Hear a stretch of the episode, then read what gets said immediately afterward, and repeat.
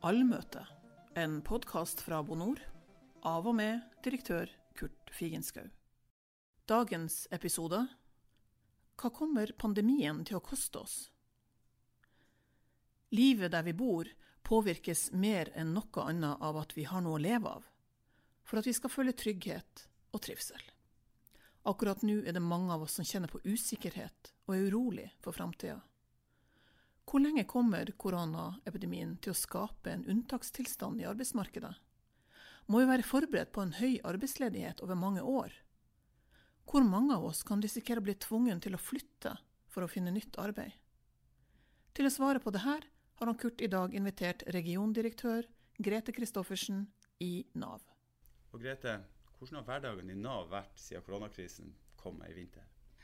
Du, det har vært utrolig hektisk. Og faktisk veldig spennende, må jeg si. Det er jo en stor organisasjon, så jeg har eh, lært meg å kjenne den organisasjonen på, på, en litt annen måte nå i løpet av de her ukene, eller skal vi si månedene, faktisk talt. Ja. Det begynner jo lenge, går lang tid, da, men eh, hvordan har det vært noe merarbeid i forhold til alle de krisepakkene, alle de tiltakene som har gjort? Kan du si litt om hva egentlig det har betydd for en Dere er jo en stor organisasjon, så det er klart at det tar jo tid både for dere å bli kjent, men ikke minst for de andre som skal kanskje ta i bruk disse pakkene. Mm. Nav er jo kjempestor. Vi er jo 19 000 ansatte på eh, landsbasis. Og vi er jo delt inn i ulike sånne her, eh, fagmiljøer og tjenesteenheter.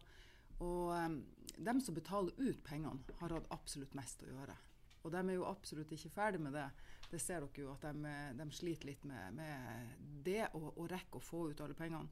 Men vi har hatt veldig mye merarbeid. Det har vi hatt. Eh, på, også det på godt og vondt. Med alle de permitterte. Dem møter jo vi. Eh, og alle arbeidsgiverne som eh, lurer på om de skal permittere eller ikke. Så møter vi alle de, de nye ledige. Så eh, vi blir aldri à jour i Nav, men eh, veldig, ja, det er givende å jobbe i Nav. Det er et, eh, jeg vil si at det er Norges mest viktige samfunnsoppdrag vi har absolutt. Det er jo en utrolig viktig, viktig eh, rolle som dere har da. Hvordan har tilbakemeldingen vært fra både de ansatte, men også lokale kunder, eller dem som skal ha disse, behov for disse tjenestene? Jeg liker at du sier kunder, for det sier jeg også. Men Nav-begrep er brukere. Ja, nei, det liker ikke jeg. Ja, nei, men det var bra, da. Jeg skal med det. Ja. Eh, eh, det der har veksla. Eh, først så ble vi jo møtt med en sånn voldsomt forventningspress. Vil Nav komme til å klare å ta unna den store strømmen? Eh, og det prega også oss internt, eh, med det forventningspresset vi hadde. Eh, og så veksla det. Vi hadde jo en sånn klappegjeng som klappa for at vi, vi lovte forskudd. Og nå er vi vel mer der at det ikke er akkurat så mye klapping.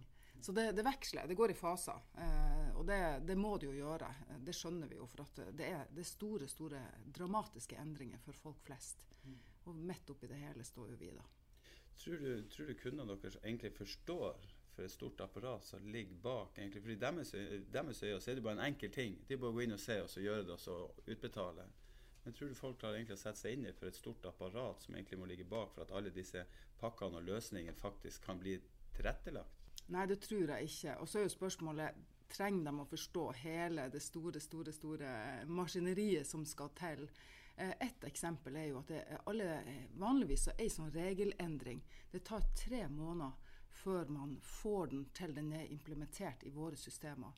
Og nå hadde vi flere og tyve sånne regelendringer som skulle iverksettes på veldig veldig kort tid. Så folk flest skjønner ikke det, og det tenker vel jeg at de egentlig ikke trenger å skjønne heller. Men eh, jeg syns det er greit å si det, at det er et vanvittig stort eh, press Eh, altså vi er jo mange mangedobla antall henvendelser fra kunder. Så ja, vi er under stort press. F.eks. IT-avdelinga vår har bokstavelig talt jobba døgnet på tamp for å iverksette og operasjonalisere. For dere er jo veldig, veldig sånn, eh, skiller dere ut for at når ting funker, så er det liksom ingen som legger merke til dere. Men med en gang ting ikke funker, så er dere de første som kanskje blir hengt ut og kanskje kritisert. da.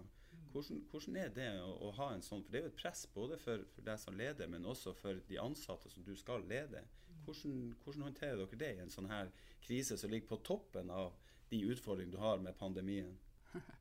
Ja, og det, det, vil jeg gjerne komme litt inn på. For, for å si det sånn, vi hadde jo en, en annen krise EØS-skandalen, som det heter. Den, altså Gløren var jo ikke akkurat slokt før vi kom i gang med koronasituasjonen. Så, så, hele organisasjonen har stått i giv akt nå i eh, veldig, veldig, veldig lang tid. Og det preger oss også. Vi, vi er jo vant til å være eh, Altså, vi skal gjøre ting rett. Sant? Vi skal være til å stole på. Vi skal være troverdige. Og så, så, hører vi veldig ofte kritikk, og veldig sjelden noen som er superfornøyd. Så det er klart at det, det preger oss. Og det, jeg tenker som, som leder at det er litt spennende også. Eh, prøve å finne de gode historiene også, prøve å nyansere det bildet. Og det har jo vært mange sånne også nå i denne eh, koronasituasjonen, selvfølgelig.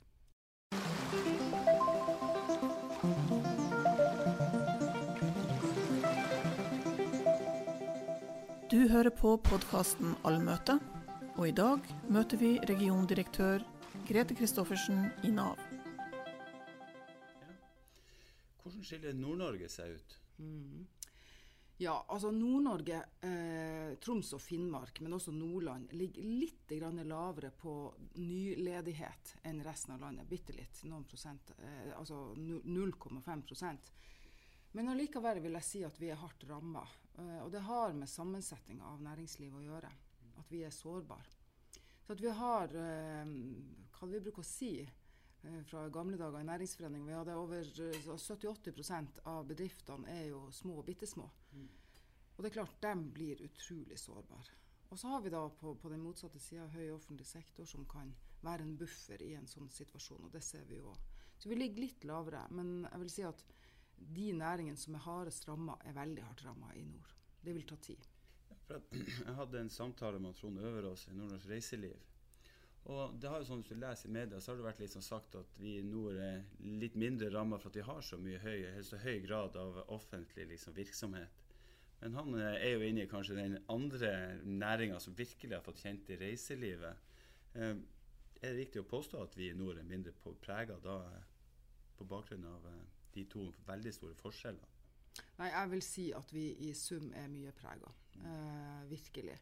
Og det er jo noe med at eh, Hvis vi tar reiselivet først, så, så ser jo vi det at eh, de plassene som har eh, Det er nesten som en hjørnesteinsbedrift å regne. Så er de ekstremt hardt ramma. Og det er jo særlig de store byene. Tromsø, Alta. Um, også små plasser, Senja rundt omkring, som er hardt uh, ramma. Og det er klart at da er det mange ledige. Uh, og så er det et annet aspekt også som jeg syns er verdt å, å, si. det at i nord så har vi relativt sett lavere eh, kompetansenivå, altså kunnskap, formalkompetanse. Og det er klart mange av de ledige er unge og ufaglært. Hvor skal vi gjøre av dem nå, da? Hvis de ikke har en jobb å gå tilbake til? Nei, for det er jo ikke noe å legge under stol at den, den, den, ledigheten som var før pandemien traff oss, var jo ekstremt lav. Mm. Spesielt sånn som i Tromsø, her vi sitter i dag, da. Men også mye av andre delen av Nord-Norge. Hvordan tror du det blir fremover? Du sa jo litt om de, de som er ufaglært, men sånn, jo, vi ser jo at det er jo blitt flere og flere arbeidsledige som også er godt kvalifiserte arbeidstakere. Ja. Nei, altså Ledigheten var jo rekordlav. Vi, vi tikka den ene rekorden etter den andre før korona. Vi var ned på totallet. To, to um, Og det er klart, nå er vi ca. på seks uh, jevnt over helt ledige. Uh, 4,7% som er delvis ledig, altså delvis permittert f.eks. Så uh, ja, nei, det er vanskelig å spå fremover hvordan det kommer til å bli. Hvor lang tid vil det ta? Uh, hvor mange bedrifter vil f.eks. Ja, gå over ende. Ja, tilgang på arbeidskraft. Vi, jo, vi, vi er jo veldig veldig tett på bedrifter nå.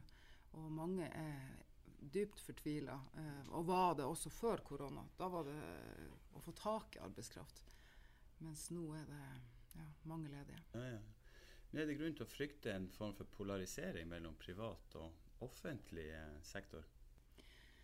på mange måter syns jeg det er et utrolig spennende tema. Og jeg ser jo at det er litt oppe i samfunnsdebatten i det siste. Eh, og det har mange aspekter. F.eks. Eh, er det forståelse fra eh, ansatte i offentlig sektor som sitter på sin trygge grønne grein eller sitt uh, trygge hjemmekontor, kan man kanskje si. uh, har de god nok forståelse for dem som nå er blitt ledig i kanskje en, en liten eller en bitte liten uh, reiselivsbedrift. Har man forståelse for det? Mm. Synes det er veldig interessant. og det som jeg også syns er interessant å ta i en sånn diskusjon, det er jo liksom Vi har vært i Norge veldig flinke til den dugnaden med å få, få, bukt med den pandemien. Og vi ser jo nå at den er på vei tilbake igjen, at vi kanskje kunne begynne å nærme oss i hvert fall en form for normaltilstand. Mm. Men samtidig, det her må vi også ha lært oss at privat næringsliv har jo også en viktig, viktig dugnadsrolle da inn i det å prøve faktisk å tørre å ha folk ansatt. og rigge seg sånn at hvis noe sånt skulle treffe, så er ikke det første du gjør å tenke på permittering men å se på hvordan kan du klare å holde folk i arbeid som gjør at det skal også være trygt å jobbe i privat sektor. Mm. Hva tror du vi kan, kan lære av dette for fremtida når det gjelder akkurat eh, hvordan vi skal rigge oss fra privat næringsliv? Mm.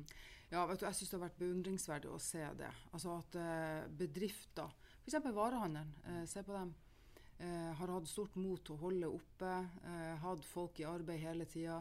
De ble jo etter hvert også definert som samfunnskritisk funksjon, på, på lik linje med helsevesenet.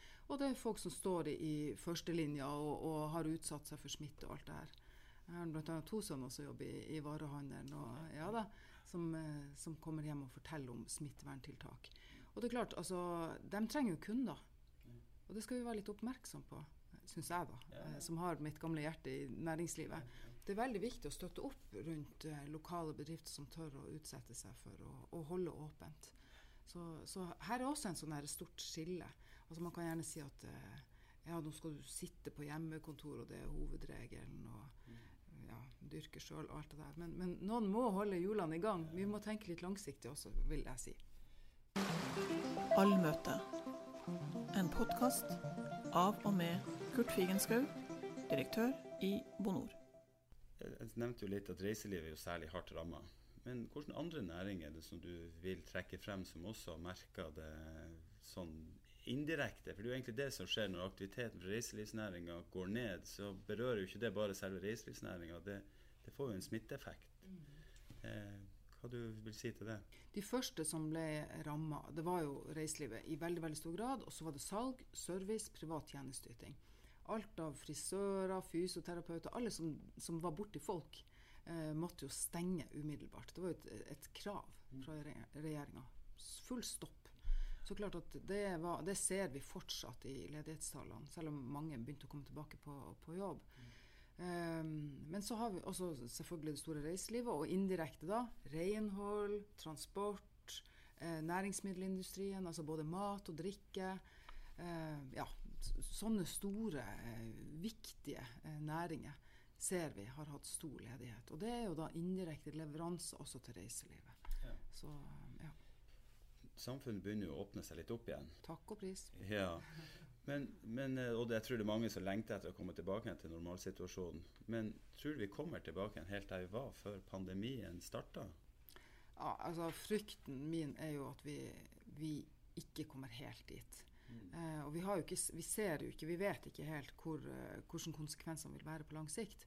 Jeg tror at det vil være bedrifter som ikke kommer på fot igjen. Uh, det er vel ikke å være rakettforsker å tro det. Det er mange før meg som har trodd det. Så, så, det vil vi komme til å se. Vi vil se vedvarende ledighet, kanskje. Men også måten vi agerer i samfunnet på. Det? Kommer vi til å bli redd for å reise, redd for å ta imot besøkende? Kommer, være, kommer reiselivet til å være varig skada? Vi vet ikke om, det, om, vi glemmer på verdensbasis og, og, og begynner å reise igjen. Så, mm. Glemmer fort, ja. Så, men eh, mange av oss tror vi, tror vi er nødt til å forberede oss på at vi er nødt til å flytte på oss for å kunne få arbeid fremover. Ja, mobilitet som vi kaller det i Nav. Ja, eh, ja det tror jeg. Mm. Vi, vi, fikk jo eh, innbyggertallene i går, og jeg tror at det vil komme til å endre seg litt fremover. Fordi at eh, vi ser jo at mange av de ledige er unge, er under 30. Mange mangler utdanning. De må reise et sted for å få den utdanninga, men mange må også reise for å få seg nytt uh, arbeid. Og jeg vil si at vi, vi, er avhengig av det, at folk tør å flytte litt på seg uh, for å ta jobb. At man ikke går og er ledig i sin store eller lille kommune, men at man tør å flytte litt på seg. Det trenger jo ikke være varig, men for, for å bygge eh, igjen de hullene i CV-en, for å si det sånn, så tror jeg det er viktig at, man, eh, at vi bidrar til mobilitet i samfunnet. Vet at uh, dere regner med at det vil komme kanskje en del konkurser. Det er jo det du sier at det er bedrifter som ikke kommer til å klare seg gjennom den krisa og ettervirkningen av krisa, og at samtidig arbeidsledigheten vil vedvare. Hva gjør dere i Nav for å rigge dere til at det kanskje det presset som nå er, kommer til å også være i fremtida, men på kanskje en litt annen måte? da? Hva, hva gjør dere av grep der for at folk skal få den hjelpa de eventuelt trenger en gang i fremtida? Du, vi gjør veldig veldig mange eh, grep, tiltak, eh, allerede. Og vi ser jo at noen allerede har gått konkurs. Jeg tror at mange sleit før korona, og så har dette vært nådestøtet. Så vi ser allerede at det er både butikker og reiselivsbedrifter som har eh, meldt konkurs og oppbud. Men det vi gjør, vi, vi, forsøker å vri innsatsen nå. Ikke bare tenke eh, altså sånn arbeidstrening og sånn. Vi, vi, tenker at det, vi vil bidra til utdanning. Eh, vi går i tett kompaniskap med eh, skoler og ikke minst fylkeskommunen.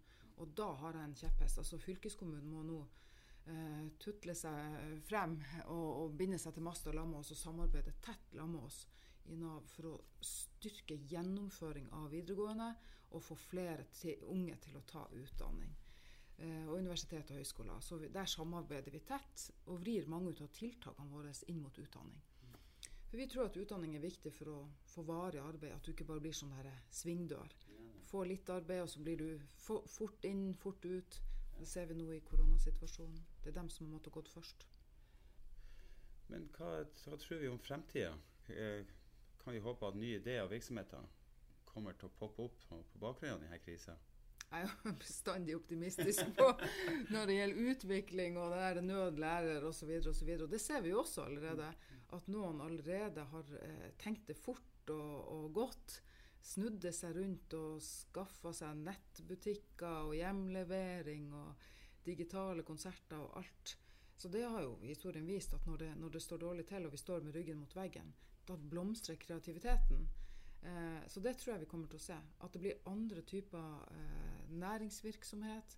Kanskje mer, hm, håper jeg da, vitalisering av lokale initiativ eh, tatt mer tak i råvarer og naturen vår og osv. Og, og, og tenke nytt. At vi ikke blir så ensidige. At det ikke bare blir reiseliv, at det ikke bare blir bygg og anlegg og eiendom, men at vi tenker litt nytt også. Nei, for Det er veldig interessant at man kanskje kan få noe positivt, så man kan tørre å bruke et sånt begrep i den krisen vi har vært inne i. Men eh, det, det er sånn jeg hører på det, at det er kanskje noe positivt som kan komme ut av, eh, av dette. Eh, men som sagt, før koronakrisen nevnte du litt at mangel på arbeidskraft var en utfordring i, i Nord-Norge. Tror du at Nord-Norge kan komme styrka ut på bakgrunn av, av dette nå, at det, det, her kan hjelpe oss? Jeg tror at jeg må si tja. Ja. Mm, ja. For at, eh, når vi hadde 2 ledighet før korona, så var det veldig mange av dem som hadde type hull i CV-en, kanskje lettere vondter, psykiske lidelser.